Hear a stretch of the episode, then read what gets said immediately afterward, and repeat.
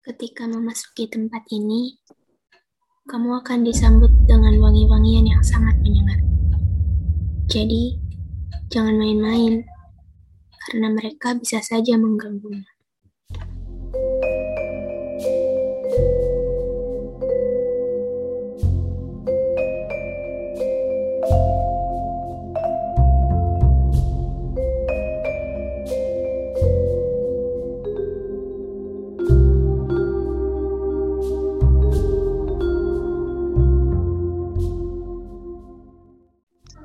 Aduh, aduh, aduh, wangi-wangian.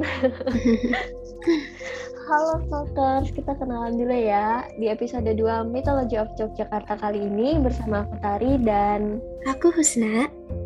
kita bakal bahas mitos-mitos yang ada di salah satu destinasi wisata yang populer di Jogja. Iya, kita akan membahas tentang Taman Sari. Oke, kamu udah pernah ke Taman Sari belum, Nak? Em, udah waktu tahun lalu. Berarti baru aja ya. Kalau aku tuh udah pernah, cuman Hmm, lama banget sih pas SMP. Sekarang udah udah tiga tahun, eh, udah tiga tahun kayaknya kuliah ya. Berarti SMP udah lama banget. Nah, oke berarti kita berdua nih udah tahu nih Taman Sari itu apa dan gimana suasana di sana ya. Iya, Nah, nah mungkin dari para stalkers ada yang belum tahu Taman Sari itu apa. Coba kasih tahu dulu nih, Nak. Oke. eh, jadi Taman Sari Yogyakarta itu adalah salah satu destinasi wisata yang banyak dikunjungi, baik oleh wisatawan Indonesia maupun wisatawan asing sampai sekarang. Mengapa? Eh, karena tempat ini memiliki nilai sejarah yang kental, baik dari segi bangunannya maupun mitos-mitos di dalamnya. Wah, emangnya di Taman Sari ini ada apa aja sih? Kok bisa jadi destinasi wisata yang banyak dikunjungi sih, Nak? Eh, jadi Taman Sari kan merupakan tempat peninggalan sejarah yang berharga di Keraton Hmm. Yogyakarta. Nah, Taman Sari ini dijuluki sebagai The Fragrant Garden dan Istana Air karena memiliki sekitar 57 bangunan yang indah Wow. seperti danau buatan dan pulaunya, terus Mm-mm. kolam pemandian gitu. Kol- kolam pemandian nih, aku ingat sih kalau kolam pemandian dari tempat-tempat yang aku kunjungin di Taman Sari, yang paling aku ingat di kayak tergambar di ingatanku tuh sih kolam pemandian. Memang di sana agak suasananya ya, suasananya eh, agak mistis gitu. Karena ya emang kolam ya biasanya kolam juga emang diidentikan sama ya hal-hal mistis. Di di film-film horor juga biasanya dijadiin tempat yang apa ya mistis gitu kan Iya. padahal padahal kan di, itu di di luar kan di luar ruangan gitu terang kan cuman Iya, tetap iya. kerasa mistisnya di situ nah apalagi nak selain yang ka- udah kamu sebutin tadi Nah, selain yang tadi itu ada juga jembatan gantung, Mm-mm. kanal air, lorong bawah tanah, dan Oh. berbagai jenis bangunan lainnya yang menarik. Oh, Oke, selain kolam pemandian, lorong bawah tanah juga suatu tempat yang diingat sih kalau buat aku dari tempat-tempat di Taman Sari. Karena ya kita masuk lorong gitu kan, sama tour guide nih masuk lorong.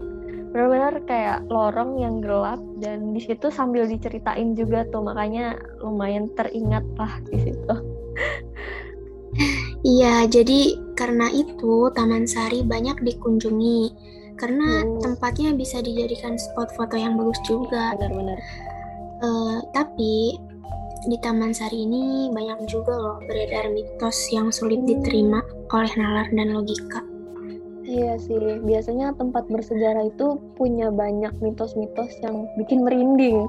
Coba kasih tahu nak, mitosnya apa aja tuh yang kamu tahu?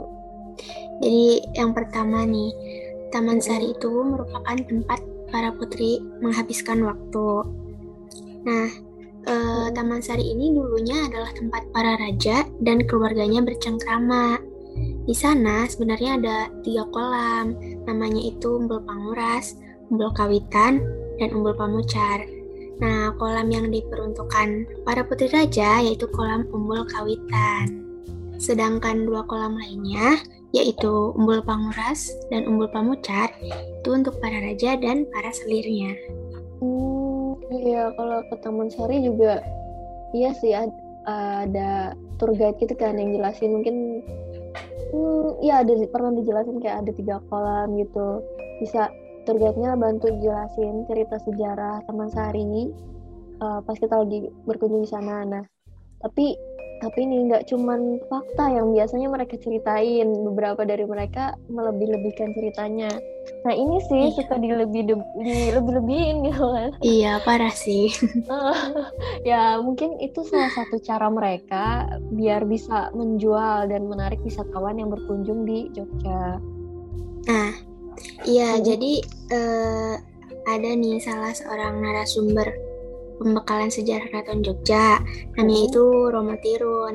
Beliau itu menegaskan bahwa beberapa mitos yang diceritakan sama beberapa tour guide itu emang ada yang salah sih.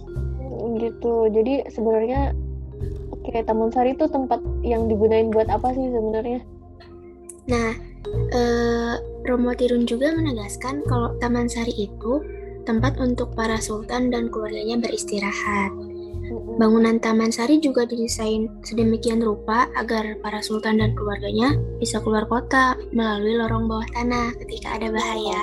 Nah, itu tadi yang pertama uh, di di kolam ya kolam ini ya kolam pemandian. Nah, yang kedua ada mitos juga nih teman-teman mitos di lorong bawah tanah. Aduh, dua mitos teratas yang kita bacain ini itu yang aku inget banget yang mungkin ya karena suasananya yang paling serem gitu kali ya. Jadi yang paling diingat tuh. Nah lorong bawah tanah di Taman Sari itu ada dua. Namanya lorong urung-urung timur dan urung-urung sumur Bumuling di mana pada sisi terjauh dari urung-urung sumur Bumuling terdapat mata air sumur Bumuling yang dikelilingi lima anak tangga. Oh ya, menurut mitos yang beredar, ujung lorong sumur Bumuling ini uh, dapat tembus sampai pantai selatan. Bahkan ada juga yang mengatakan bahwa lorong tersebut merupakan tempat pertemuan Sultan Hamengkubuwono I dan Nyi Roro Kidul, Ratu Pantai Selatan. Aduh. Kok bisa ya muncul mitos kayak gitu? Oke, katanya sih karena Sultan Hamengkubuwono I membangun keraton dalam satu sumbu lurus imajiner yang terhubung dengan Gunung Merapi dan Pantai Parangtritis. Kan Gunung Merapi ada di Sleman kan ya? Gunung uh, Pantai Parangtritis di Gunung Kidul kan ya? Itu uh, satu sumbu lurus yang imajiner. Jadi maksudnya itu uh, garis imajiner atau garis hayal yang menghubungkan Gunung Merapi di utara dengan Pantai Parangtritis di selatan dengan melewati Keraton Yogyakarta yang ada di tengah-tengahnya. Oh, jadi uh, ada di tengah-tengah antara Gunung Merapi sama Pantai Parangtritis gitu ya? Hmm. Hmm, terus uh, tadi kan ada nyinggung tempat lima anak tangga ya. Nah, hmm. jadi keinget nih sama mitos di sana. Wah, emangnya mitos yang kayak gimana tuh, Nak? Aduh, aduh, yang kayak gimana nih? Oke, ini masuk mitos yang ketiga ya. Hmm. Jadi uh, para sultan melakukan kegiatan peribadahan dan melakukan semedi untuk mendapatkan strategi yang tepat sebelum perang itu di lima anak tangga. Menurut pengalaman aku nih, emang tempat itu masih kesan yang berbeda gitu dari tempat lainnya karena letaknya di ujung lorong bawah tanah dan keadaan di sana tuh gelap sama lembab. Oh iya, kalau nggak salah tempatnya itu ya di pojokan terus uh, lima anak tangga. Nah, aku agak-agak lupa cuman kalau nggak salah itu biasanya dari spot foto yang rame sih walaupun iya. serem ya. Jadi spot foto yang rame terus ya lima anak tangga gitu. Kebayang sih gambaran mistisnya. iya. Oke, okay, uh, eh, aku bacain yang keempat nih. Katanya di Taman Sari, Taman Sari itu dijaga oleh makhluk tak kasat mata.